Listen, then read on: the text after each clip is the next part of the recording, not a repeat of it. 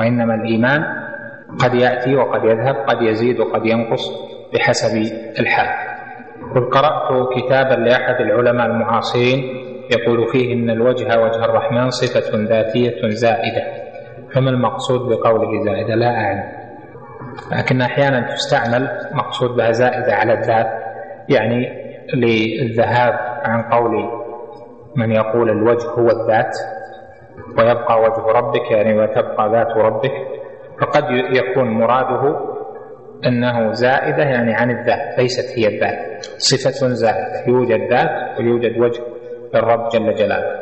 لكنها ليست من العبارات المستعملة عند السلف.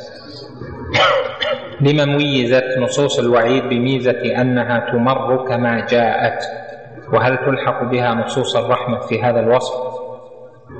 الوعيد الذي هو توعد من الله جل وعلا للكافر أو للفاسق بالعذاب هذا حق والله جل وعلا خبره صدق. لكن وعيده جل وعلا مع كونه حقا وصدقا كما أخبر جل جلاله فإنه في حق المسلم الموحد على رجاء الغفران وعلى رجاء العفو. ولذلك أن لا يطبق الوعيد في حق المعين بل نقول هذا الوعيد يمر كما جاء ولا ندخل في تفصيلاته من حيث إن هذا الوعيد لمن فعل كذا بالنار في تفصيلات هذا الوعيد. أو آه، في تفصيلات المعين الذي ارتكب شيئا مما ينطبق عليه هذا الوعيد الأصل أن نمر ذلك كما جاء ونبقيه وعيدا للتخويف والجزاء عند رب العالمين. ولهذا يقول العلماء إخلاف الوعيد إخلاف الوعيد فضل وكرم وأما إخلاف الوعد فكذب. ولهذا الله جل وعلا لا يخلف وعده. لا يخلف الله وعده. وعد الله مفعول. لا بد منه. ما وعد به عباده فلا بد منه. أما وعيده سبحانه وتعالى فإنه قد يتخلى في حق المعين لفضل منه وكرم. وكما جاء في الحديث الذي في الصحيحين أنه يوم القيامة يكون آخر من يخرج من النار أقوام يخرجون من النار وقد امتحشوا فيلقون في نهر يقال له نهر الحياة فينبتون كما تنبت الحبة أو الحبة في جانب السيف وهذا لفضله جل وعلا. يخرج من النار أقوام لم يعملوا خيرا قط ويغفر الله جل وعلا لمن يشاء سبحانه وتعالى. فإذا الوعيد يبقى كما هو بدون تفصيل يمر كما جاء من جهة معنى ومن جهة من يتعلق به. ثم وعيد الله جل وعلا بالعذاب ووعيده جل وعلا في الكتاب والسنة بالعذاب في الدنيا أو العقوبة في الدنيا هذا متعلق بحكمته سبحانه وتعالى وحكمة الله جل وعلا غالبة. لهذا يثبت الوعيد في حق الكافر من جهة الجنس لا من جهة المعين حتى يموت على الكفر. فإذا مات على الكفر فإنه يقال فيه ما وعد ما أوعده الله جل وعلا لأنه قد جاء في الحديث الصحيح حيثما مررت بقبر كافر فبشره بالنار وهو في بعض السنن بإسناد جيد. وهناك قسم ثاني من الوعيد وهو وعيد الحكم وليس وعيد العذاب وهو مثل من أتى كاهنا لم تقبل له صلاة. من أتى كاهنا فصدقه فقد كفر بما أنزل على محمد. من أتى حائضا أو امرأة في دبرها فقد كفر بما أنزل على محمد. لا يدخل الجنة قاطع رحم. لا يدخل الجنة قتات. ونحو ذلك. هذا وعيد في الاسم. في الحكم وليس وعيدا في نوع العذاب واشباه ذلك. وهذا الوعيد هو الذي يكثر كلام السلف فيه لأنه يمر كما جاء. لماذا؟ لأن الدخول في نوعية حكمه يعني هل هو كافر كفر أكبر أو أصغر هل هو لا يدخل الجنة؟ يعني نقول لا لأن الغرض من الوعيد هو التخويف من هذه الأفعال حتى يرتدع العباد. فإذا دخل الناس في تفصيلاتها ولم يمروها كما جاءت كأنه يضعف جانب الوعيد فيها. لكن لها تفصيل. مع كونه يمر كما جاء فإنه له تفصيل بحسب ما في ما عند أهل العلم من الأدلة. فمثلا نقول في لا يدخل الجنة قتات نفرق بين الدخول الأول والدخول المتأخر. مثلا من أتى كاهنا فصدقه فقد كفر. نقول هذا مثلا كفر أصغر وليس بالكفر الأكبر. وأشبه ذلك من الأدلة التي فيها الوعيد بالحكم. وهذا يحتاج إلى أدلة أخرى لبيان معنى هذا الحديث أو معنى هذه الآية. وإلا فالأصل أن يمر بمعنى لا يدخل العالم أو طالب العلم في تفصيله لأن أو في تفسيره لأن الغرض منه التخويف. لهذا مثلا في حديث من أتى كاهنا فصدقه فقد كفر بما أنزل على محمد سئل عنه الإمام أحمد هل هو كفر أكبر أو أصغر؟ فتوقف. عن ذلك وقال فما هي الرواية الثالثة أو القول الثالث؟ توقف وقال أقول كفر وبس يعني وسكت. وهذا لأجل أن النص أطلق والمقصود منه التخويف. وفي القول الأول أنه كفر أكبر كما ينحو إليه قلة من أهل العلم. والقول الثاني أنه كفر أصغر مع أن النص نص وعيد لكن دخل العلماء في تفسيره لأجل ورود الأدلة الأخرى كما جاء في مسند الإمام أحمد بإسناد صحيح ثابت أنه عليه الصلاة والسلام قال من أتى كاهنا أو عرافا فسأله عن شيء فصدقه لم تقبل له صلاة أربعين ليلة. فدل هذا من رواية الإمام أحمد وهي زيادة مقبولة قوية زائدة عما على ما في صحيح مسلم من أتى كاهنا أو عرافا فسأله عن شيء لم تقبل له صلاة بدون زيادة فصدقه فقد جاءت بإسناد ثابت صحيح بل هي أرجح في الزيادة من رواية مسلم ولذلك اعتمدها إمام الدعوة رحمه الله تعالى في كتاب التوحيد.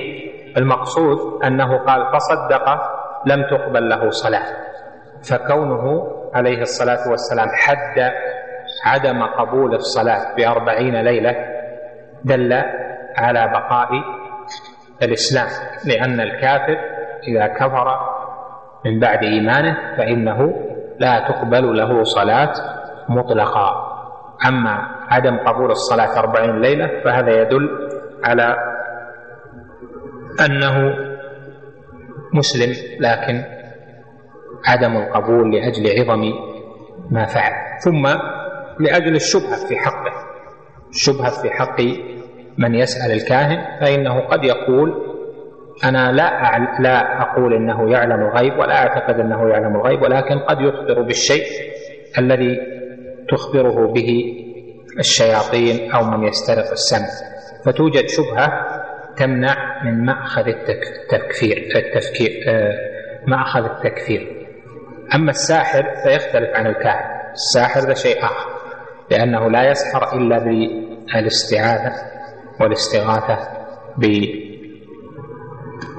وشياطين الجن. هل دعاء اللهم انصر جميع المستضعفين من المسلمين؟ أو دعاء ربنا لا تؤاخذنا بما نسينا لا تؤاخذنا إن نسينا أو أخطأنا؟ من باب التعدي على الدعاء تعدي في الدعاء بحيث إن الأول قد كتبه الله في الأرض والثاني قال الله سبحانه كما في الحديث قد فعلت. السؤال الثاني هل اعتقاد القبوريين والصوفية في الأولياء وأنهم يملكون الشفاعة ونحوه ناشئ من الغلو في الدعاء عما هو سبب هذا الاعتقاد لديه؟ مسألة الاعتداء في الدعاء بحثنا فيها باختصار في الدرس الماضي وهي مسألة مهمة جدا ينبغي لطلاب العلم أن يعتنوا بها لأن الداعية إذا اعتدى في الدعاء فإنه يحيى والاعتداء في الدعاء سبب لرده. بل من أعظم أسباب رد الدعاء أن يدعو العبد ربه الجليل العظيم ويعتدي ولا يتأدب وهو يدعو. وبعض البشر وهم من هم في ضعف شأنهم وقلة حيلتهم لكنهم إذا رأوا من يسألهم ويعتدي في السؤال فإنهم لا يصبرون وربما عاقبوا وربما نفروا لأن من حسن أو من أسباب الإجابة حسن السؤال حتى في حق المخلوق.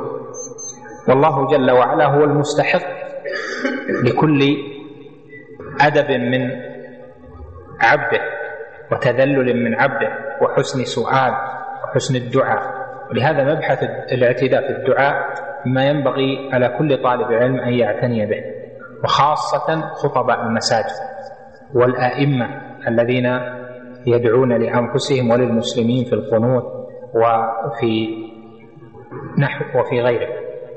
لهذا جاء مثل هذا السؤال, هذا السؤال لأجل الاهتمام بهذا الموضوع. قول القائل اللهم انصر جميع المستضعفين من المسلمين. هل هذا فيه اعتداء في الدعاء أم لا؟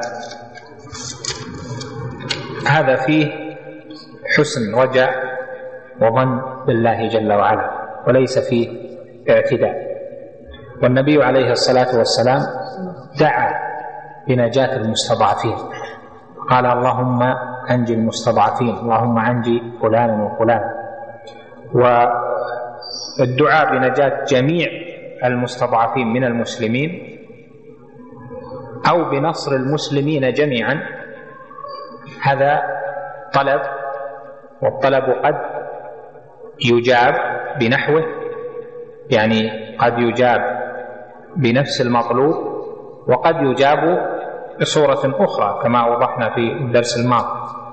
ما من عبد يدعو الله بدعوة ليس فيها إثم ولا قطيعة رحم إلا أعطاه الله بها إحدى ثلاث خصال. إما أن يعجل له دعوته وإما أن يختبئها له يوم القيامة وإما أن يصرف عنه من الشر مثلها. وهذا يدل على أن العبد إذا أعظم في الطلب فإنه هذا مع عظم الرجاء. الاعتداء في الدعاء لا يدخل في هذه اللفظة لأنه لم يسأل سؤالا فيه إثم ولم يسأل سؤالا ويدعو بدعاء فيه قطيعة رحم ولا بشيء مضاد لأمر الله جل وعلا في القرآن والسنة ولم يدعو بدعاء فيه مناقضة لحكمة الله جل وعلا. مثاله مثال ما يناقض الحكمة مثلا يقول القائل اللهم دمر اليهود والنصارى أجمعين اللهم اجعلهم كذا واجعلهم اللهم اجعل إلى آخره. وهذا تدميرهم بأجمعهم هذا ينافي الحكمة التي أخبر الله أخبرنا الله جل وعلا بها أنه يؤخر هؤلاء حتى ينزل المسيح عليه السلام فيسلم النصارى ويقتل اليهود. فمثل هذا الدعاء العام هذا فيه مناقضة لما أخبرنا من الحكمة. وفيه مثل ما ذكرت اعتداء في الدعاء. ولهذا كان من دعاء عمر رضي الله عنه وهو الخليفة الراشد والفقيه الأعلم في دعائه أنه لم يكن يدعو على جميع الكفار على جميع الكفار بأصنافهم من اليهود والنصارى وغيرهم. وإنما كان يدعو دعاء مقيدا في القنوت. فيقول رضي الله عنه في دعاء القنوت اللهم عليك بكفرة أهل الكتاب الذين يصدون عن دين ويقاتلون أولياء وهذا مما يوافق قول الله جل وعلا في سورة الممتحنة لا ينهاكم الله عن الذين لم يقاتلوكم في الدين ولم يخرجوكم من دياركم أن تبروهم وتقسطوا إليهم. إن الله يحب المقسطين. ومن البر في حقهم عدم الدعاء عليهم ومن البر في حقهم الدعاء لهم بالهداية ونحو ذلك. ثم قال جل وعلا إنما ينهاكم الله عن الذين قاتلوكم في الدين.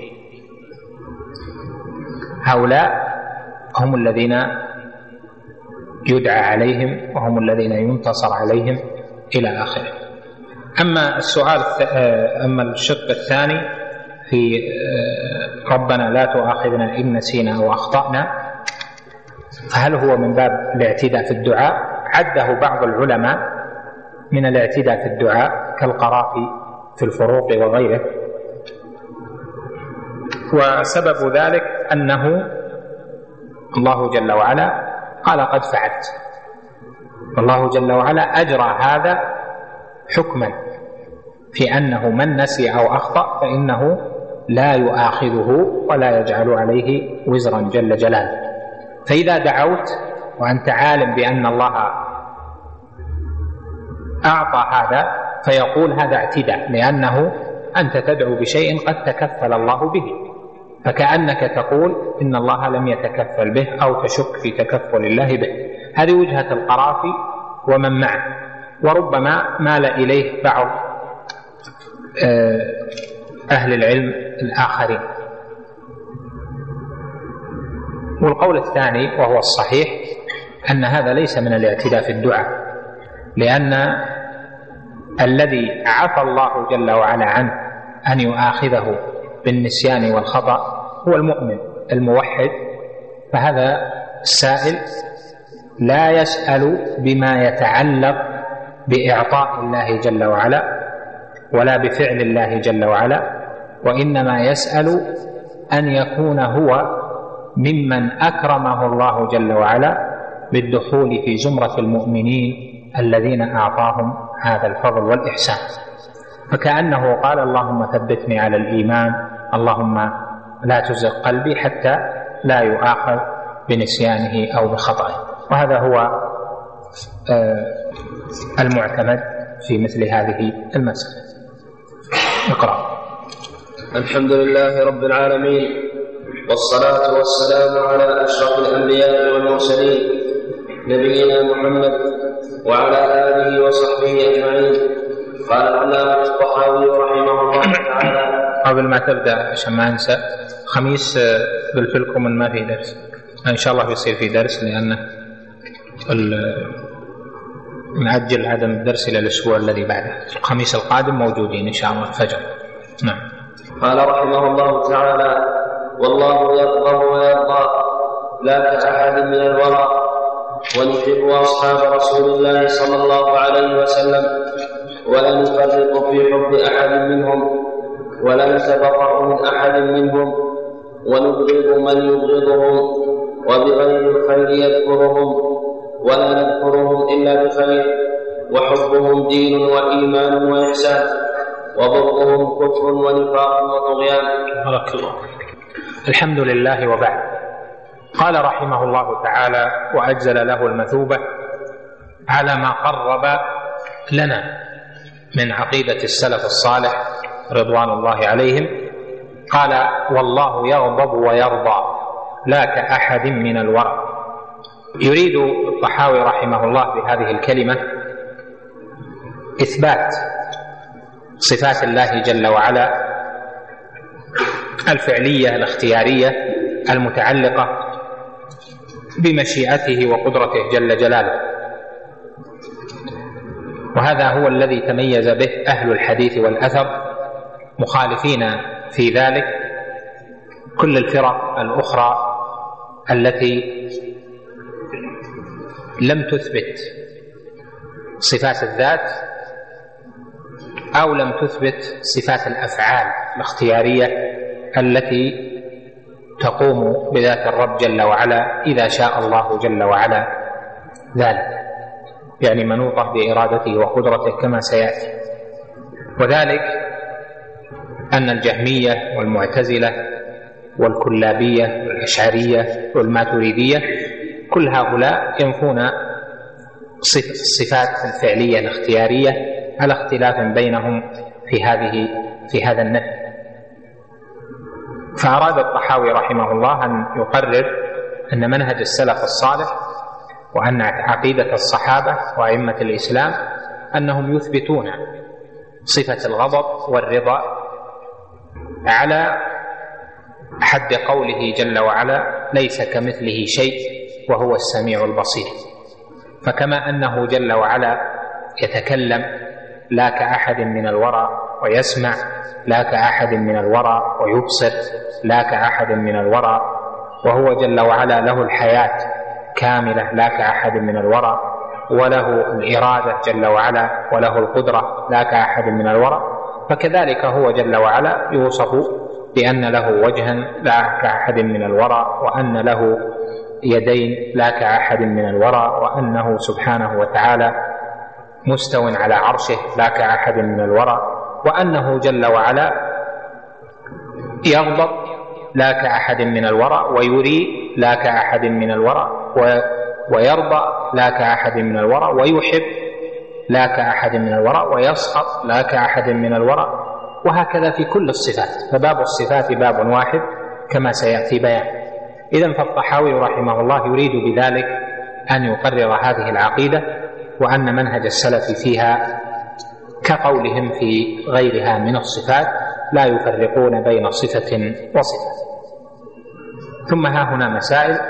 المسألة الأولى أن صفة الغضب وصفة الرضا من الصفات التي ذكرت في القرآن والسنة في آي وفي أحاديث كثيرة. أما القرآن فكقوله فكقوله جل وعلا في الرضا لقد رضي الله عن المؤمنين إذ يبايعونك تحت الشجر.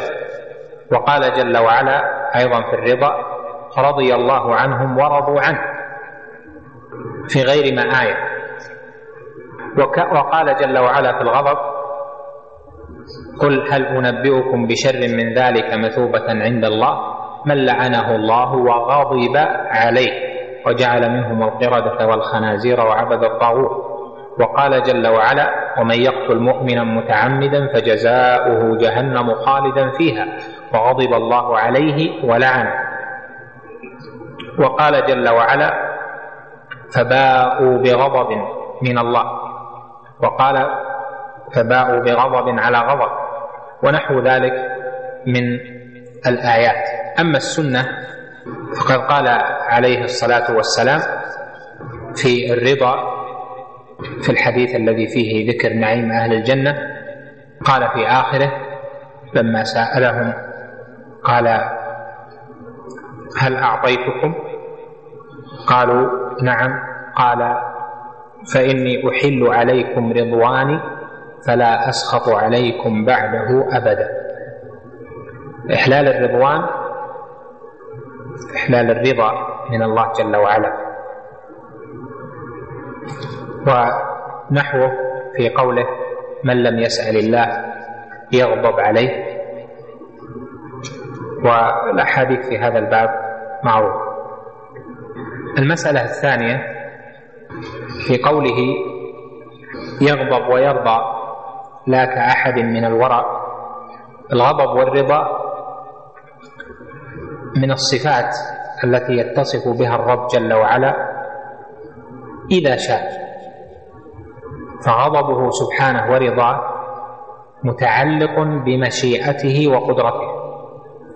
فالغضب يحل ثم يزول والرضا يحل ثم يزول وهكذا يعني أن الغضب ليس دائما والرضا ليس دائما وإنما هذا مرتبط كجنسه في الصفات الفعلية بمشيئة الله وبقدرته.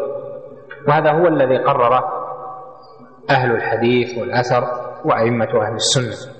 واستدلوا لذلك بقول الله جل وعلا ومن يحلل عليه غضبي فقد هوى. في سورة طه ومن يحلل عليه غضبي فقد هوى فدل على أن الغضب يحل بعد أن لم يكن حالا وحلوله يدل على أنه متعلق بمشيئة الله جل وعلا لأنه ما شاء الله جل وعلا كان فإذا شاء الله أن يغضب فإنه سبحانه يغضب. وإذا شاء أن يرضى فإنه جل وعلا يرضى. وكذلك قوله عليه الصلاة والسلام في الحديث أحل عليكم رضواني فلا اسخط بعده أبدا دل على أن أهل الجنة من عليهم جل وعلا بأنه أحل عليهم رضاه فلا يسخط فلا يسخط بعده عليهم أبدا. هذا يدل على أن الرضا متعلق بالمشيئة بمشيئة الله جل وعلا وإرادته وقدرته سبحانه وتعالى.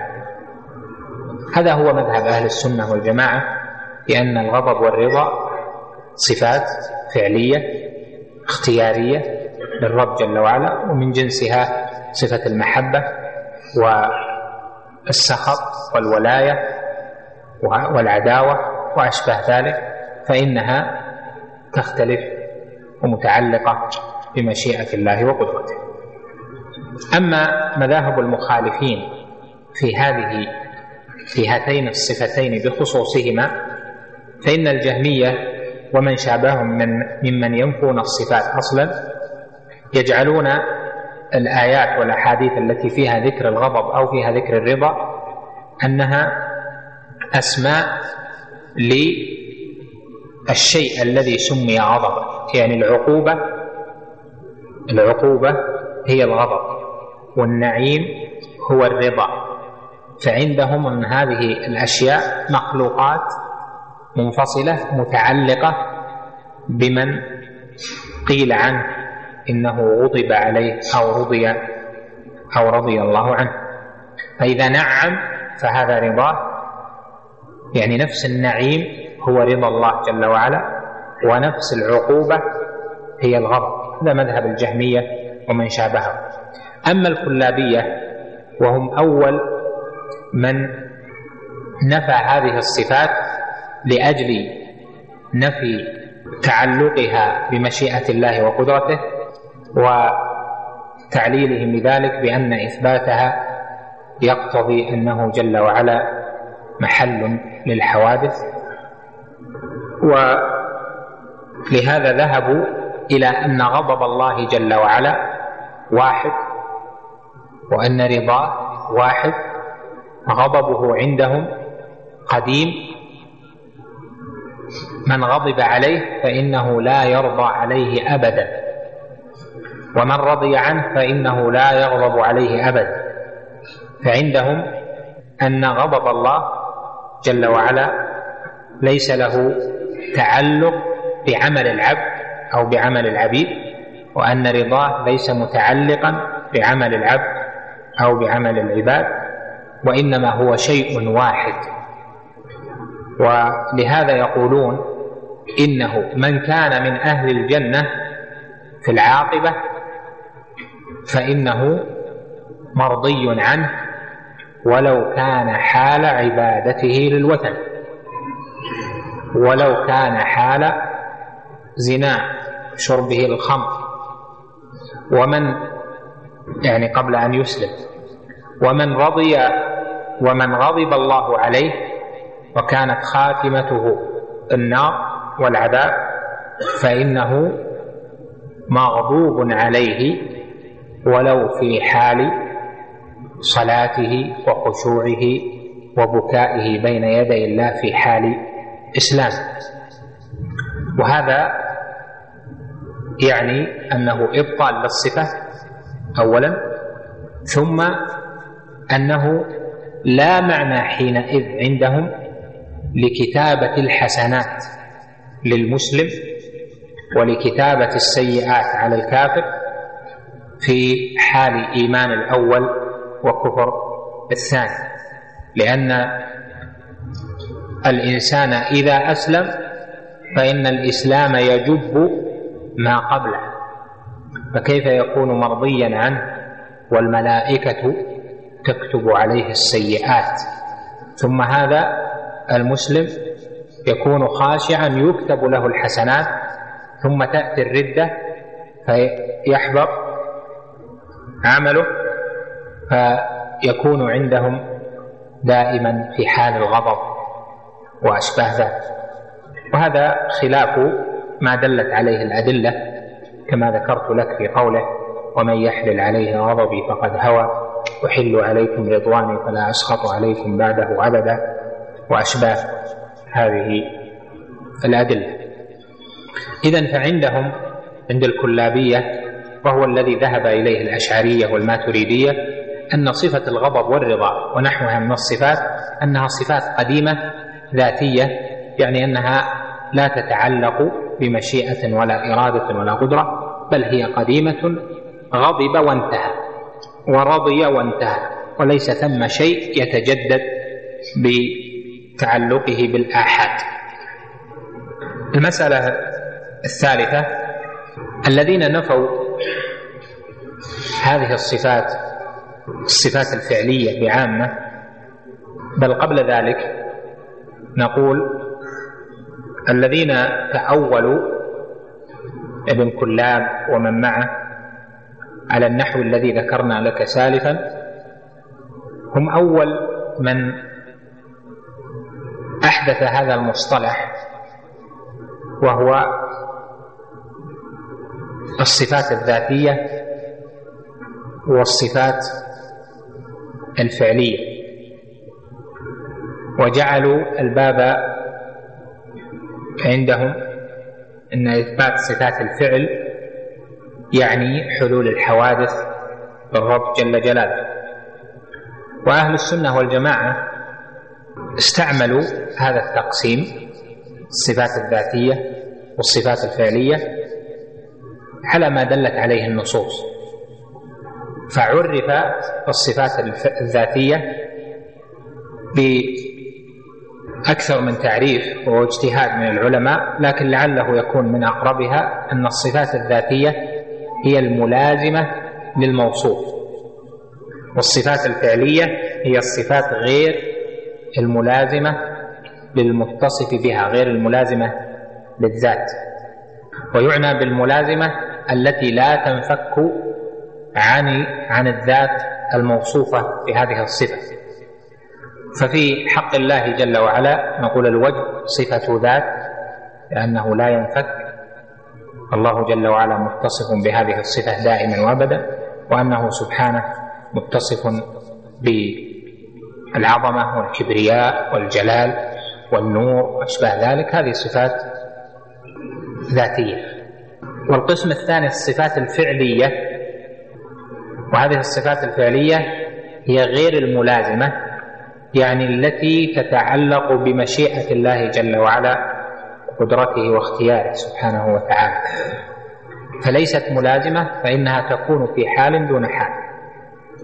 وهذه منها ما يكون دائما صفة فعلية ومنها ما يكون آحاده صفة فعل واختيار وأصله صفة ذات ملازمة.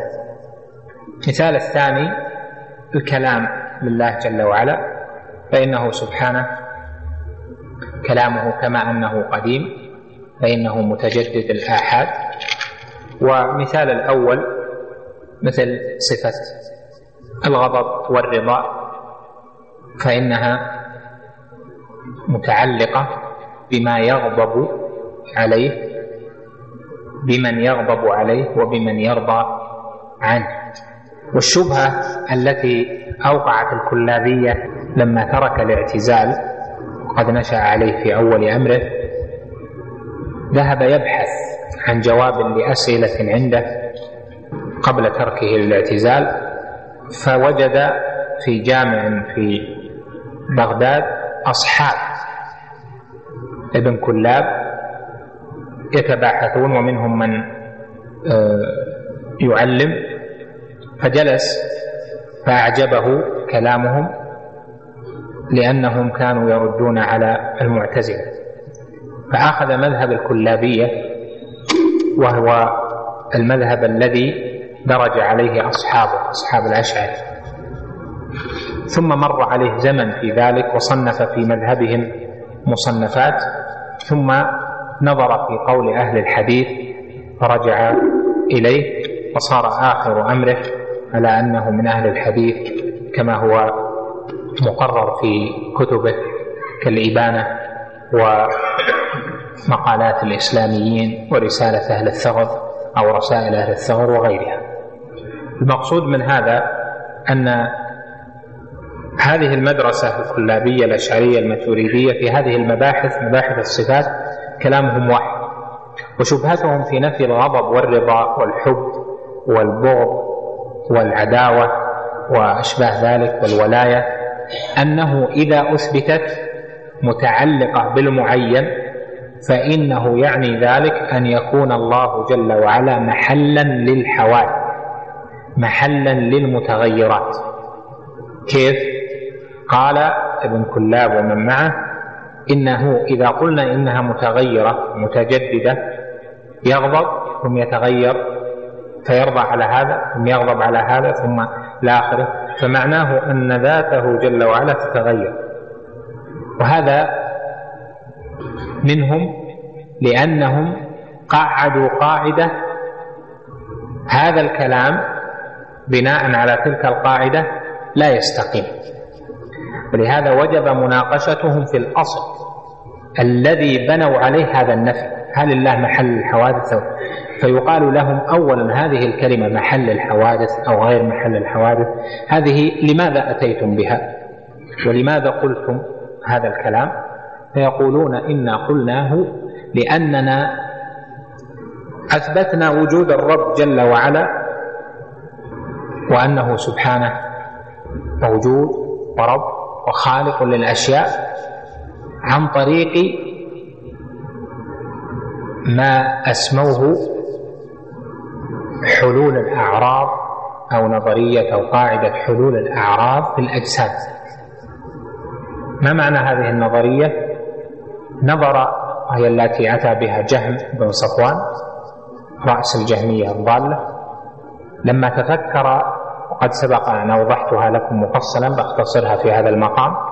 لما تفكر في الدليل على وجود الله جل وعلا وعلى أن هذه الأجسام مخلوقة قال الجسم المعين فيه صفات تتغير والجسم لم يختر هذه التغيرات. ما هذه الصفات التي تتغير؟ قال الصفة صفة البرودة. الحرارة صفة كثافة الجسم امتداده ضآلته نوعية الجسم ارتفاع انخفاض إلى آخره فهذه أشياء لا يختارها الجسم لنفسه بل هي حالة فيه فكونها حلت فيه دل على أنه هناك مؤثر جعلها تحل في هذا الجسم. وهذا يعني أن الجسم محتاج إلى غيره لأجل حلول هذه الأشياء فيه. فإذا كان محتاجا فإنه إنما احتاج لمن لا يحتاج وهو الرب جل جلاله. فثبت عندهم أن الجسم مخلوق من جهة هذه الأشياء التي أسموها حلول الأعراض. في الأجسام أو حلول الحوادث في الأجسام. فثبت عندهم وجود الله جل وعلا وأنه خالق الأجسام وأنه هو المستغني وأن هذه الأجسام محتاجة محدثة بهذا الدليل الذي هو في أصله غلط ومخالف للكتاب والسنة والتفكير فيه وأنه هو دليل وجود الله جل وعلا. تفكير فيما لم يدل عليه نص لا من القرآن ولا من السنة. وإثبات وجود الله جل وعلا موجود في القرآن والسنة فهم ذهبوا عن الكتاب والسنة إلى العقل فهداهم عقلهم الخاطئ إلى برهان غلط من أصله وإن ثبتت به نتيجة مؤقتة لكنها فيما يترتب عليها غلط. فاتح. لهذا في القرآن الدليل على وجود الله مختلف عن هذا أم خلقوا من غير شيء أم هم الخالقون؟ أم خلقوا السماوات والأرض؟ بل لا يوقنون. ما في عندنا احتمالات. هل خلقت من غير شيء؟ هذا احتمال. هل أنت الخالق لنفسك؟ هذا احتمال. هل الإنسان هو الذي خلق السماوات والأرض؟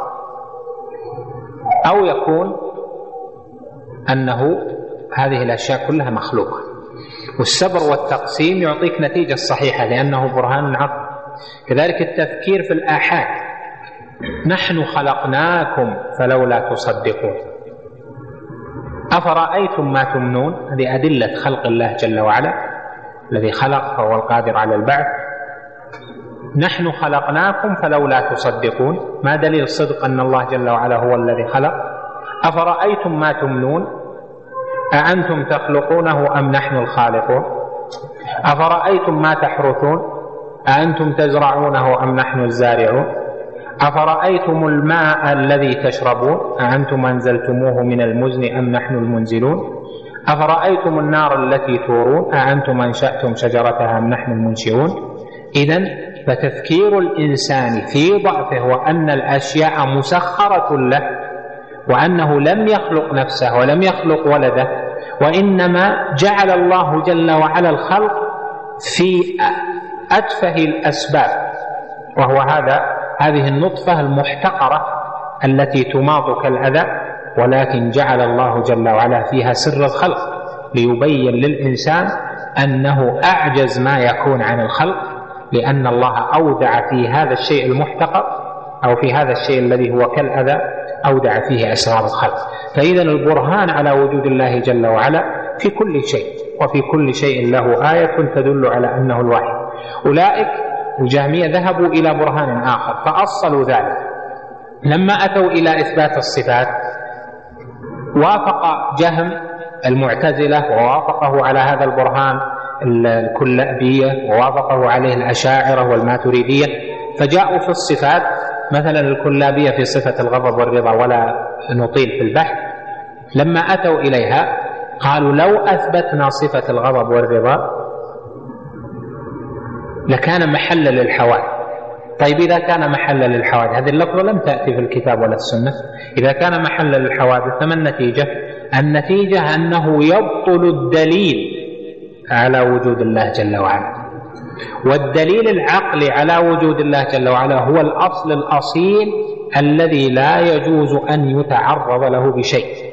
وإذا كان شيء يضعف أو يبطل ذاك الدليل الذي هو دليل الأعراض فإنه يجب إبطال ما يضعفه أو ما يضاده لا أن يبطل أصل الدليل.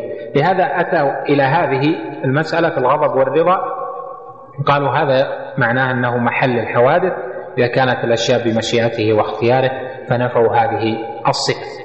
طيب أنتم أثبتتم صفة صفة الحياة صفة القدرة وصفة الإرادة وصفة السمع وصفة البصر وإلى آخره. فكيف أثبتتموها؟ قالوا تثبت بالدليل العقلي إما بمطابقته أو بلزومه كما هو معروف في أدلتهم للصفات التي أثبتوها. إذا في الحقيقة أن الذين عناهم الطحاوي رحمه الله بقوله والله يغضب ويرضى لا كأحد من الوراء أن نثبت الصفة وننفي مماثلة الرب جل وعلا لأحد لأحد من خلقه في اتصافه بهذا الصفة ففيها رد على الكلابية والأشاعرة والماتريدية ومن نحى نحوهم من الفرق المختلفة. المسألة الرابعة قوله رحمه الله لا كأحد من الورع أنا اختصرت لكم الكلام السابق لكن تفصيله آه، في عدد من من الشروح التي شرحتها لكم. ما أدري في الحموية يمكن والواسطية. وفي عدد فصلنا هذه المسألة لأنها مهمة في مسألة نفي الصفات. المسألة الرابعة أن الذين لا يثبتون صفة الغضب والرضا كصفة فعلية اختيارية يتاولونها بإرادة الانتقام والعذاب في الغضب وإرادة الإنعام والإحسان في الرضا. فيقولون إن الغضب هو إرادة الانتقام والعذاب. فجعلوها صفة الإرادة.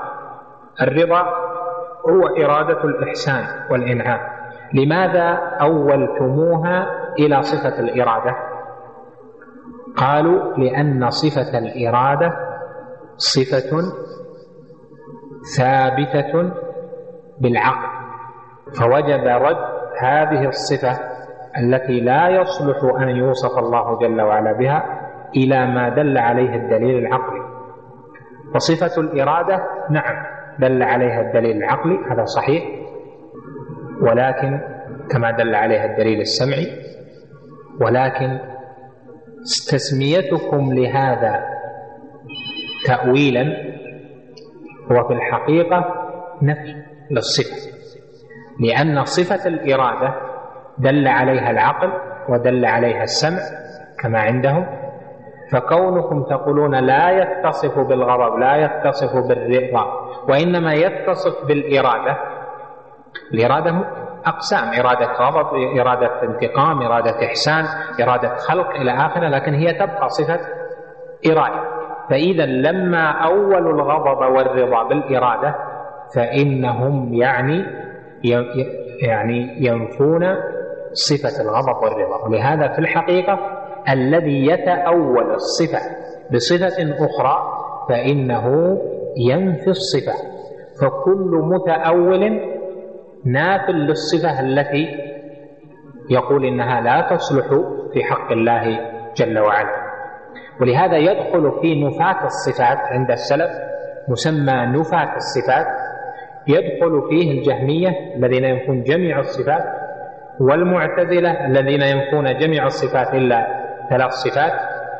ويدخل فيه الكلابية الذين ينفون جميع الصفات إلا صفات سبع ومعهم الأشاعرة. ويدخل فيه الماتريدية الذين ينفون جميع الصفات إلا صفات ثمان وهكذا. فمسمى منفاة الصفات يدخل في هذا ويدخل يدخل فيه كل هذه الفرق في بعض الأحيان. وهذا في الحقيقة تعد على الشريعة وعلى النص لأنك تنفي ما أث... لأنهم ينفون وحاشانا من ذلك ينفون ما أثبته الله لنفسه وأثبته له رسوله صلى الله عليه وسلم. فهل يتجاسر مسلم هل يتجاسر على أن ينفي شيئا وصفه الله جل وعلا وصف الله به نفسه أو وصفه به رسوله صلى الله عليه وسلم؟ فتقول لهم الله يغضب يقولون لا يغضب. غضب الله عليه يقولون لم يغضب عليه وإنما أراد به الانتقام وهكذا لكن لأجل الشبهة عندهم فإنهم يكونون من أهل البدع لعدم متابعتهم للسلف في هذه المسائل وإحداثهم لبدعة التأويل في هذه النصوص الغيبية ولا يكفرون في تأويلهم لأجل الشبهة التي عندهم. المسألة الخامسة والأخيرة قوله هنا لا كأحد من الورى يعني لا كأحد من الخلق. فإن غضب الإنسان يناسبه ورضا الإنسان يناسبه. وغضب الرب جل وعلا ورضاه ومحبة الرب جل وعلا وبغضه سبحانه وتعالى وهكذا جميع الصفات. هذا بما يليق بجلاله جل وعلا وعظمته. فالصفات تناسب الذات. صفات الإنسان تناسب ذاته الحقيرة الوضيعة حقيرة يعني باعتبار لا باعتبار أنه مكرم حقيرة باعتبار ضالته وضعفه وحاجته. وإلا فهو مكرر صفة الإنسان تناسب ذاته الضعيفة الفقيرة المحتاجة. وصفة الرب جل وعلا تناسب ذاته الكامله العليه الجليله الجميله جل جلاله وتقدست اسماءه فإذا بين الصفة والصفة كما بين الذات والذات. فذات الرب جل وعلا لا يمكن أن يقارن تقارن ذات المخلوق بها بأي شكل من الأشكال. فكذلك صفاته جل وعلا لا يمكن أن تقارن صفات المخلوق بها. إذا تبين ذلك فإنه إذا أطلق اللفظ لفظ الصفة غضب رضا محبة إلى آخره فإن بعض الناس يأتي في ذهنه معنى للغضب. يأتي في ذهنه معنى للرضا. وذلك لأن الإنسان لم يستقبل المعاني إلا لما رأى المسميات. يعني لم يفهم الشيء إلا لما رأى صورة أمامه جعلت المعنى يرتبط في ذهنه بهذه الصورة. وإلا في الحقيقة فإن هناك ثلاثة أشياء في أبواب الصفات. الشيء الأول المعنى الكلي للصفه ما معنى المعنى الكلي؟ يعني غير المتعلق لا بالرب جل وعلا وغير المتعلق بالإنسان بالمخلوق. معنى كلي هل في الحقيقة في الحياة هل في الوجود هناك معنى كلي تراه يمشي أمامك؟ إنما المعاني الكلية للغة ودلالات الألفاظ من حيث المعنى هذه إنما موجودة في الذهن للتصور. هذا التصور لا يدركه كل أحد لأن جمهور الخلق إنما يتصورون من المعاني بعد رؤية الصور التي تدلهم عليها. فلا يتصور شيئا لم يره لا يتصور شيئا لأنه لا يمكن يتصور شيء قدرته ما تستوعب. لهذا نأتي هنا إلى الشيء الثاني وهو الصفة أو هذا المعنى الكلي المضاف إلى الرب جل جلاله. الحالة الثالثة المعنى الكلي المضاف إلى المخلوق المعين. فإذا أضيف المعنى الكلي إلى المخلوق فإنه في الحقيقة لا يبقى كليا وإنما لا بد أن يتخصص بشيء. يدل عليه أنك ترى في في السمع مثلا فإن البعوضة لها سمع وبصر والإنسان له سمع وبصر. هل نقول هنا السمع والبصر هو كلي في الإنسان وفي البعوضة؟ لا. وإنما هو كلي من جهة فهمك ما معنى السمع ما معنى البصر. فإذا كان عندك قدرة لاستيعاب المعاني الكلية دون تأثير لما ترى وما تسمع للمعاني والقواعد التي في ذهنك فإنه يمكن أن تتصور المعاني الكلية. وإلا فإنه في الخارج في الواقع في الحياة لا يوجد إلا مخص تقول سمع الإنسان وبصر الإنسان. سمع المخلوق سمع البعوض وبصر البعوض. سمع الفيل وبصر الفيل. سمع الوطواط وبصر الوطواط. وهكذا. الغضب والرضا. الذي المولود الذي ولد. أليس عنده أساس من الرضا والغضب؟ يرضى عن والديه. فيفرح ويبتسم. ويغضب فيعبر بطريقة أخرى. هل تعبير الطفل في غضبه ورضاه هو كتعبير أبيه في غضبه ورضاه؟ لا. بل الإنسان في نفسه لما كان طفلا فإنه يعبر عن غضبه ورضاه بشيء وإذا صار شابا يعبر عن غضبه ورضاه بشيء وإذا صار كهلا وشيخا فإنه يعبر عن رضاه وغضبه بشيء. وهذا يدلك على أن هذه المعاني لا يمكن أن تنفى عن الله جل وعلا وهذه الصفات باعتبار النظر للمخلوق لأن أصل المخلوقات تختلف في حياتها وتختلف في آثارها الغضب الرضا وكيف يغضب ومتى يغضب وإلى آخره فإذا كان المخلوق يختلف فالله جل وعلا له المثل الأعلى والصفات العليا. وهذه قاعدة مهمة تستمسك بها في الرد على المتأولين للصفات والخائضين في عموم الغيبيات فاستمسك بها وادرسها شيئا فشيئا فإنها مهمة.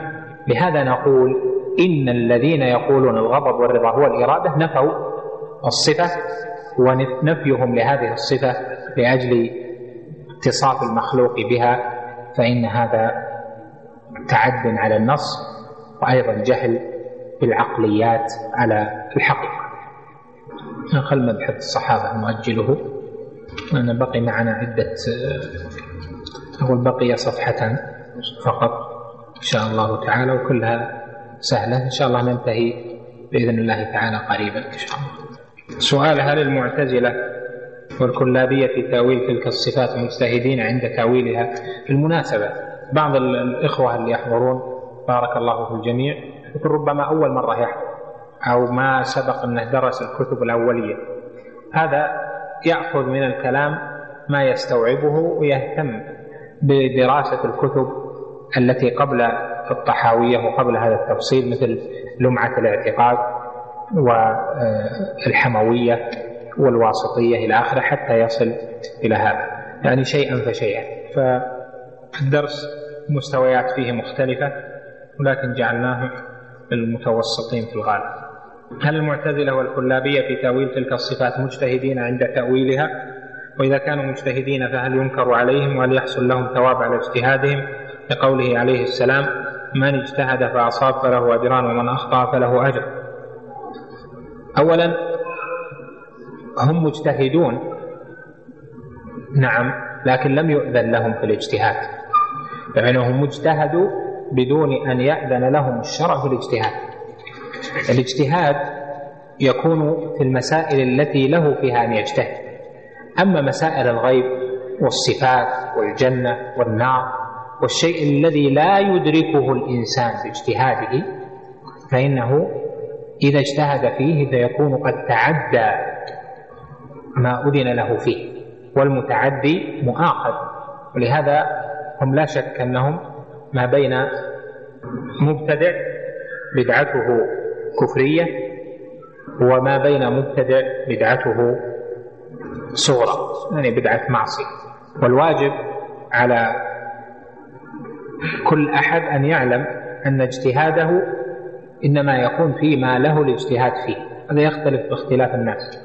العلماء علماء الشريعة يجتهدون في الأحكام الشرعية الأحكام الدنيوية التي فيها مجال للاجتهاد. أما الغيب فلا مجال فيه للاجتهاد ولم يؤذن لأحد أن يجتهد فيه بعقله. لكن إن اجتهد في فهم النصوص في حمل بعض النصوص على بعض هذا في ترجيح بعض آه، الدلالات على بعض هذا من الاجتهاد المأذون به سواء في الأمور الغيبية أم في غيرها. لكن أن يجتهد بنفي شيء بدلالة أخرى ليست دلالة مصدر التشريع الذي هو الوحي من الكتاب والسنة الأمور الغيبية مصدر التشريع الكتاب والسنة فإنه ليس له ذلك. ولذلك لا لا يدخل هؤلاء من المعتزلة والكلابية ونفاة الصفات أو الذين يخالفون في الأمور الغيبية لا يدخلون في مسألة الاجتهاد وأنه إذا اجتهد الحاكم فأصاب فله أجران وإن أخطأ فله أجر. وإنما هم مأزورون لأنهم اجتهدوا في غير ما, ما لهم الاجتهاد فيه. والواجب عليهم أن يسلموا لطريقة السلف وأن يمروا نصوص الغيب كما جاءت وأن يؤمنوا بما دلت عليه. لهذا نقول قد يكون لهذا المبتدع أو لهذا الموافق للمبتدعة أو لهذا المتأول أو لهذا المتكلم في الغيب برأيه وعقله مع وزره وإثمه وبدعته قد يكون له من الحسنات ما يمحو تلك السيئات لأن البدعة والتأويل آه، وأشباه ذلك معصية. بدعة صغرى معصية وكبيرة من جنس غيرها من الذنوب ولكنها هي يعني من جنس غيرها أنه يأثم بها لكنها هي أعظم لأن البدع أعظم من جنس جنس البدع أعظم من جنس الكبائر والذنوب. قد يكون له حسنات عظيمة مثل مقام عظيم من الجهاد في سبيل الله أو نصرة للشريعة في مسائل كثيرة ونحو ذلك ما يكفر الله جل وعلا به خطيئته أو تكون حسناته راجحة على سيئاته. ولكن من حيث الأصل ليس له أن يجتهد وهو آثم بذلك لكن ربما يكون عفو الله جل وعلا يدركه. لهذا لما ذكر ابن تيمية في أول الواسطية وهذه مهمة في أول الواسطية لما ذكر قال هذا اعتقاد الفرقة الناجية الطائفة المنصورة أهل السنة والجماعة وعقدوا له المحاكمة على هذه العقيدة. قالوا ما تعني بقولك الفرقة الناجية؟ قال يعني الناجية من النار. قال هل يعني هذا أنك أنك تقول إن من لم يؤمن بهذه العقيدة ويقول بها بجميع ما أورد أنه من أهل النار فقال لم أقل هذا ولا يلزمه أو لا يلزم من كلامه. لأن هذه العقيدة هي عقيدة الفرقة الناجية الطائفة المنصورة أهل السنة والجماعة. فمن اعتقدها فهو موعود بالنجاة وبالنصر موعود بالنجاة من النار. كلها في النار إلا واحدة. قالوا من هي يا رسول الله؟ قال من كان على مثل ما أنا عليه وأصحابي ومعلوم بالقطع أن الصحابة النبي صلى الله عليه وسلم والصحابة لم يكن عندهم تأويل ولا خوف الغيبيات باجتهاد ورأي وأما من لم يعتقد هذا الاعتقاد فهو على ذنب. وقد يغفر الله له فلا يدخله النار لا يعذبه بالنار ابتداء يغفر له الله. لأن هذا دون الشرك. وقد يغفر الله جل وعلا له بحسنات ماحية وقد يغفر الله جل وعلا له بمقام صدق في الإسلام كجهاد ونحوه إلى آخره. لكنه متوعد لأنه أتى أو قال بغير دليل. لهذا ليس لأحد أن يجتهد الغيبيات بما لم يوقف فيه على ذلك. أليس الغضب والرضا حصول أليس الغضب والرضا. متعلق إيش؟ متعلق حصوله بمسبباته ليس كما قررنا إنه متعلق بالمشيئة والقدرة. فإذا حصل سبب الرضا حصل رضا الله عز وجل. ومثله يقال في الغضب فيقال رضا الله أو غضبه متعلق بمشيئته. إذا حصل سبب وضح لي ما اشتبه عليه. هذا غير خاص اللي تفضل بها وذكره السائل غير خاص بالغضب والرضا. كله يعني المغفرة متعلقة بسبب الرحمة متعلقة بسبب إجابة الدعاء متعلق بسبب آه كلام الله جل وعلا تنزيل القرآن متعلق بسبب. يعني قد سمع الله قول التي تجادلك في زوجها هذا متى صار؟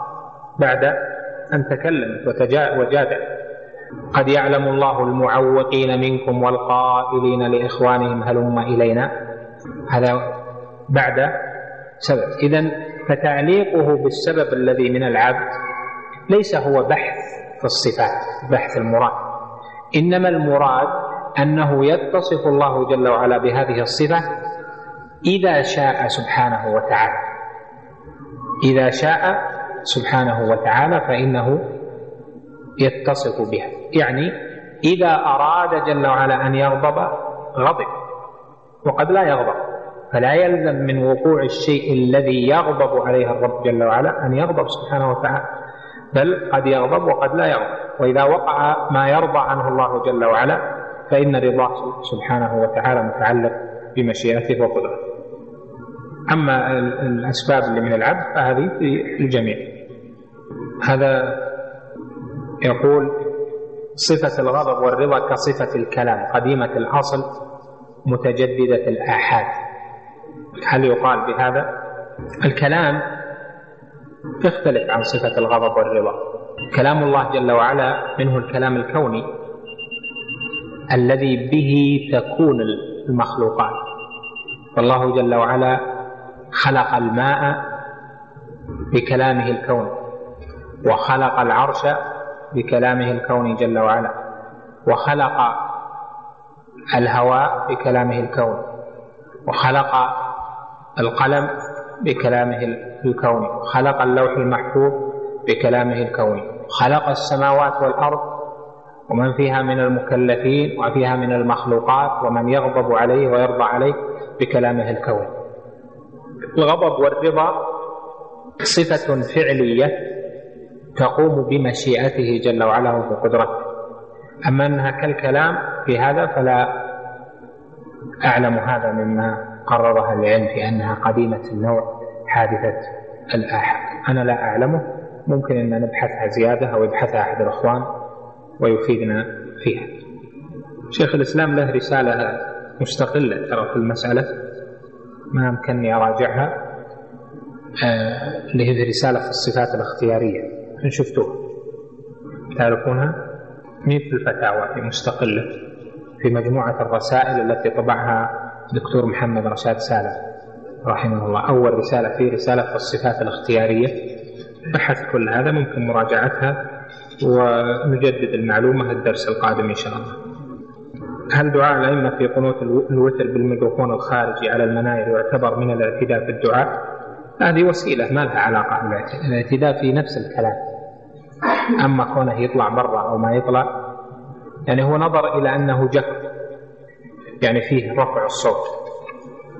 قال وأقريب ربنا فنناجيه أم بعيد فنناجي قال إن الذي تدعون أقرب إلى أحدكم من عنق راحلته. هذا كونه يدعو بصوت خاشع ويسمع في الخارج لا ليس هذا من الاعتداء في الدعاء. يقول نرجو من فضيلتكم وتقراه على ما هو عليه. التعليق على هذه الكلمة إلى آخره الكلمة أعرفها وأعرف من قالها وهذه طريقة في الأسئلة أنا ما أحبها من قديم الواحد ما يجي يعني يأخذ المتكلم أو يأخذ الشيخ أو المعلم يسأل عن كلمة لا يعرف ربما هو لا يعرف من قالها ثم يقال أنها فلان يقول في الشيخ الفلاني كذا وكذا. هذه كلمة معروفة يعني أثيرت هذه الأيام. لهذا ينبغي السؤال يكون واضحا يكون الجواب واضحا. المقصود أن كون الأشاعرة من أهل السنة والجماعة أم لا فبعض علماء الحنابلة المتأخرين أو أكثر المتأخرين ممن صنفوا في عقيدة السلف وهم لم يحققوا هذا الأمر. عدوا الفرق أهل السنة والجماعة عدوها ثلاث فئات أهل الحديث والأثر والأشاعرة والماتريدية. هذا كما فعله السفاريني وفعله أيضا غيره. وهذه مشت على كثيرين وتبناها أخيرا تبناها بعض الجماعات الإسلامية ووسعوا الكلام فيها كما هو معلوم. لكن في الحقيقة كلمة أهل السنة نعم الجميع من أهل السنة ولا شك لأن السنة لأنهم جميعا يحتجون بالسنة ويؤمنون بها إلى آخره لكن الجماعة كلمة الجماعة طبعا كل يدعيها. أشاعرة يقولون نحن أهل السنة والجماعة ما تريدي يقولون نحن أهل السنة والجماعة. وربما لا يفرق بينهما فالجميع يقولون أهل السنة والجماعة يعنون الأشاعرة ما تريدين آه وأهل الحديث والأثر يقولون نحن أهل السنة والجماعة إلى آخره. لكن إذا نظرت للحقيقة كل يدعي وصلا بالجماعة لكن هل هل يصح ادعاؤه أم لا يصح؟ كلمة الجماعة هنا معناه الذي لم يفرق في الدين. ما كانت عليه الجماعة الأولى وهم الصحابة والتابعون. فهل أقوال هؤلاء فرقت في الدين؟ وهل هي على ما كان عليه الأوائل أم لا؟ إذا أتى الجواب جاءت النتيجة. فإذا كان فعلا هم على ما كان عليه الأوائل يعني الأشاعرة ونحوهم وبعض الفرق الموجودة الآن والجماعات الإسلامية وغيرها إذا كانوا على ما كان عليه السلف الصحابة وعلى الجماعة الأولى من لم يفرقوا بين دليل ودليل خاصة في الأمور الغيبية في مسائل العقيدة ولم ينفوا شيئا بل أثبتوا كما أثبت الله جل وعلا فإن هؤلاء من الجماعة. لكن إذا كانوا يفرقون ويتأولون ويتعرضون للغيبيات بما يتعرضون به بل يخالفون في معنى كلمة التوحيد في أول واجب وفي الإيمان يخالفون وفي القدر يخالفون وفي الصفات يخالفون. وفي مسائل أخرى أيضا في العقيدة يخالف يخالفون ما كان عليه السلف. كيف نقول إنهم متمسكون بالجماعة؟ التمسك بأهل السنة والجماعة ليست دعوة وليست آه، منحة يمنحها الإنسان.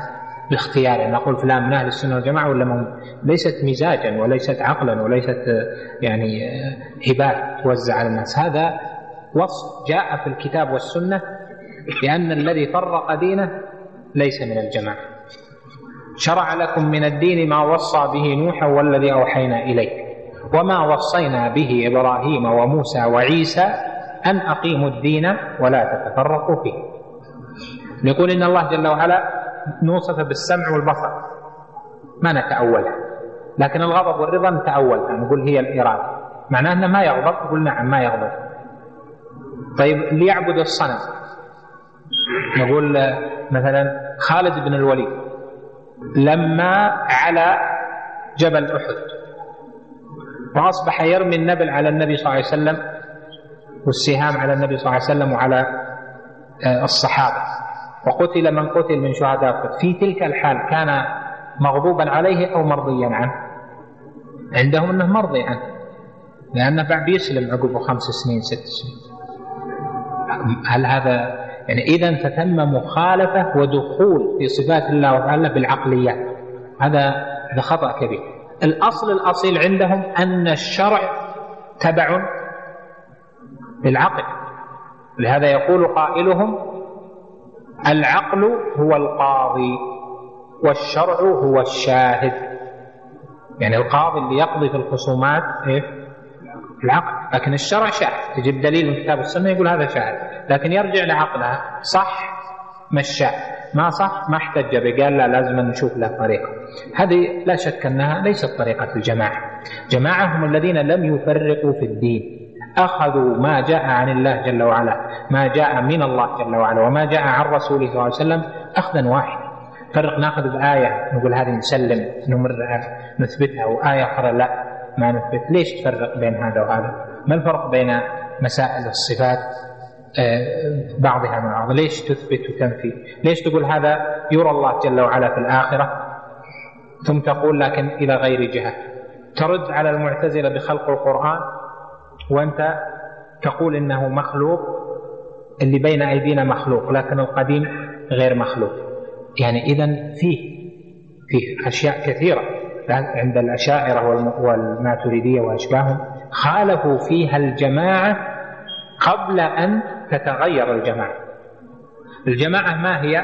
قبل أن تحدث هذه الأقوال نرى. يعني قبل أن يحدث القول في الصفات ما الذي كان عليه المسلمون قبل ذلك مئة سنة الناس ما يعرفون التأويل يكونون على ضلال؟ ولا يكون غيرهم أدرك الصواب وهم لم يدركوه؟ فيهم الصحابة؟ هذا ما يمكن. حدث الخوارج. قول الخوارج. بعده ننظر إلى ما كان عليه الناس قبل ظهور الخوارج. قبل الصحابة ما الذي كانوا عليه في مسائل الإيمان ومسائل الأسماء والأحكام والتكفير إلى غير ذلك. ما الذي كانوا عليه؟ لا شك أن هذا هو الجماعة. الجماعة في مسألة الإيمان مسألة الأحكام والأسماء ما قبل ظهور الخوارج. ظهر بعد ذلك القدرية غيلان الدمشقي تعرفون معبد الجهني إلى آخره. في مسائل القدر الجماعة ما قبل خروجه. بعد يعني تبحث عن ما قبل. هل ما قبل فيه شيء يدل على على ما في شك أنه لا ولهذا عندك الذين ذكر أنهم من من الأشاعرة إلى آخره آه، أن الأشاعرة من أهل السنة والجماعة نقول أهل السنة نعم لكن الجماعة نحن نود نرغب ونتمنى أنهم من, من, من أهل السنة والجماعة حقيقة وليست منحة ولا هوى لكنهم هل كانوا على الجماعة؟ لا شك أن, أن أهل العلم أمنا في الأوصاف التي علقها الله جل وعلا بمن؟ وعده بالنجاة. أمنا هم الأوصاف. لا يجوز لهم أن يوزعوا الأوصاف بمحض اجتهادهم. هذا كذا وهذا كذا. لا هم أمنا على الشريعة. فلا بد أن يؤدوا الشريعة على ما اؤتمنوا عليه. يطاعون ما يطاعون. لكن لابد يقول ما عنده. نعم يأتي أسلوب ما يقول به. أن يقول بالتي هي أحسن. هذا رعاية مصالح ومفاسد. لكن الكلمة في نفسها لا بد أن تكون حقا واضحة لا آه، مداهنة فيها ولا مجاملة الجماعة وصف شرعي. من تحقق به وصف به. من لم يتحقق به فإنه لا يوصف به ولا آه، شك أن هذا مما الناس فيه خاصة المنتسبين للعلم والبحث والناس فيه متنوعون فمن ممن يغلو في أحد الطرفين وممن يتساهل فيجعل الأمور تمشي ودون أمانة في الحكم. ومنهم من توسط وهم الذين تمسكوا بهدي السلف الصالح وبطريقة الجماعة في أنهم لم يقولوا على الله جل وعلا بلا علم أسأل الله جل وعلا أن يوفقكم جميعا إلى ما فيه صلاحكم في دنياكم وفي آخرتكم وأن يقينا وإياكم العثار وأن يبارك لنا في الأعمار. إنه سبحانه رحيم جواد وصلى الله وسلم على نبينا محمد. بسم الله الرحمن الرحيم الحمد لله والصلاة والسلام على رسول الله وعلى آله وصحبه ومن اهتدى بهداه. أما بعد بين يدي درس نجيب عن بعض الأسئلة. أليس البحث والتدقيق في بعض الأمور الغيبية والمستقبلية وكثرة المباحثات والمطارحات فيها يعتبر من فضول العلم وإشغال النفس فيه إشغال بالمقبول عن الفاضل؟ وذلك كبحث هل الحوض قبل الصراط أو بعده؟ وكبحث كفتي الميزان؟ وهل هما حقيقتان؟ أم لا ونحو ذلك من المسائل. هذا السؤال مفيد لأنه ينبئ عن رغبة في طريقة السلف في بحث المسائل العلمية العقدية سواء كانت من مسائل الغيب خالصة أم من المسائل التي جرى فيها البحث. والأصل لكل مؤمن أن يكون طالبا للحق الذي ذكره الله جل وعلا في كتابه أو ذكره النبي صلى الله عليه وسلم في حديثه. وطلب الحق في هذه المسائل أو طلب العلم في معنى آية القرآن أو حديث النبي عليه الصلاة والسلام هذا هو طلب العلم النافع. و الآي والأحاديث التي فيها ذكر المسائل الغيبية تارة يكون بحث أهل العلم فيها فيما دل عليه النص وتارة يكون البحث فيها من جهة الرد على الذي خالف النص. أما الأول فكقوله هنا أو كبحث الميزان مثلا هل له كفتان أم لا؟ فإنه جاء في القرآن أن الميزان يوضع ونضع الموازين القسط ليوم القيامة فلا تظلم نفس شيئا. وقال أيضا فمن ثقلت موازينه فأولئك هم المفلحون ومن خفت موازينه فأولئك الذين خسروا أنفسهم. الآية. وكذلك قوله فمن يعمل مثقال ذرة خيرا يره ومن يعمل مثقال ذرة شرا يره. وهذا فيه إثبات الميزان والموازين وأنها توزن بها الأعمال وأنه يعلم الناس يعلم المؤمن إذا ثقل الميزان وإذا خف. وهذه الإيمان بها واجب لأن الله جل وعلا أخبر بها هذه مسائل غيبية. والسنة دلت على أن الميزان له كفتان كما في أحاديث كثيرة وأن مقتضى الوزن مقتضى الوزن أن يكون له آه، كفتان. لهذا من دار حول دلالة الكتاب والسنة فهذا عقيدة وليس من فضول العلم بل هذا من العلم النافع الذي يؤمر طالب العلم بتتبعه والإيمان به لأنه ما أخبر الله جل وعلا به إلا ليؤمن به ويعتقد. وما أخبر النبي صلى الله عليه وسلم بذلك إلا لأنه من العلم النافع. أما المسألة الثانية أو الشق الثاني فإنهم يبحثون في مسائل لم يدل الدليل على عين المسألة ولكن لا بد من الخوض فيها ردا على المخالفين. فالأصل في هدي الصحابة رضوان الله عليهم هو إمرار النصوص التي جاءت في الكتاب والسنة والإيمان بها والعلم بذلك والحرص عليه وتتبع العلم في هذه المسائل. هذا ظاهر لكن تفصيل الكلام في مسائل لم يأتي الدليل بها ومن جهة التعريفات ومن جهة الدلائل وزيادة بعض الألفاظ الإيضاحية أو ذكر بعض المسائل الخلافية مثل هل الحوض قبل أو الصراط قبل. وهذه المسائل ليس فيها نص عن الصحابة ليس فيها قول واضح عنهم. ونشأ كثير من المسائل نشأ القول فيها لأجل المخالفين. فكثير من مسائل الأسماء والأحكام التي يتكلم فيها الخوارج والمعتزلة لم يتكلم فيها الصحابة بالتفصيل. تكلم فيها من بعدهم ردا على هذه الفئات لما قويت ولم يندحر شرها. كذلك في مسائل القدر لأن الصحابة تكلموا في الرد على القدرية النفاة الذين أنكروا العلم واشتد إنكارهم على ذلك وأتوا بالأدلة التي فيها إثبات أن من قدر الله جل وعلا علمه سبحانه وتعالى بالأشياء. قبل حدوثها العلم السابق الأزلي وأن الأمر ليس بمستأنف بل كل شيء يجري بقدر. ثم بعد ذلك أتى الذين ضلوا في هذا الباب فأتوا بمسائل جديدة.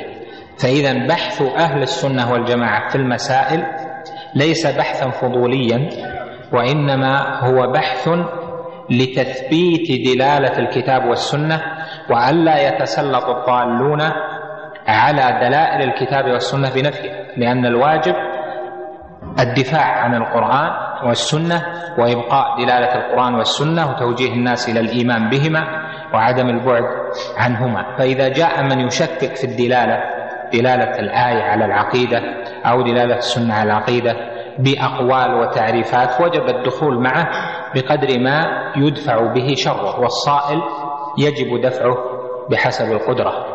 والصيال العلمي على أصول الشريعة على الكتاب والسنة. هذا أعظم من الصيال على الأبدان لأن الصيال على الأبدان مؤقت ويذهب بذهاب بعض الأبدان لكن الصيال على الشريعة به تحريف الشرع. ولهذا صار أعظم الجهاد الجهاد في العلم. أعظم من جهاد العدو الذي هو الجهاد غير المتعين.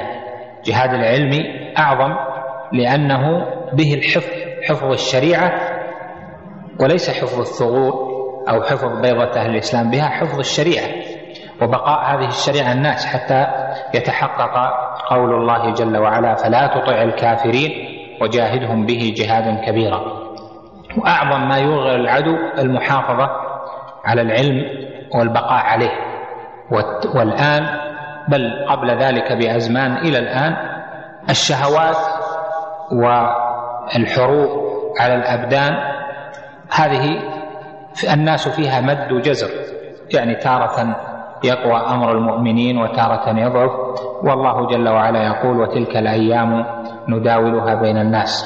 لكن الصيال على العلم وعلى الكتاب والسنة وعلى دلائل ذلك وإيقاع الناس في الشبه وبعدهم عن دلائل الشرع هذا هو الذي يزيل الإيمان والذي به يحصل الشبه تحصل الشبه ويقوى جانب الشيطان في البعد عن الديانة. لهذا آه، ما يتكلم فيه أهل العلم خاصة المحققين.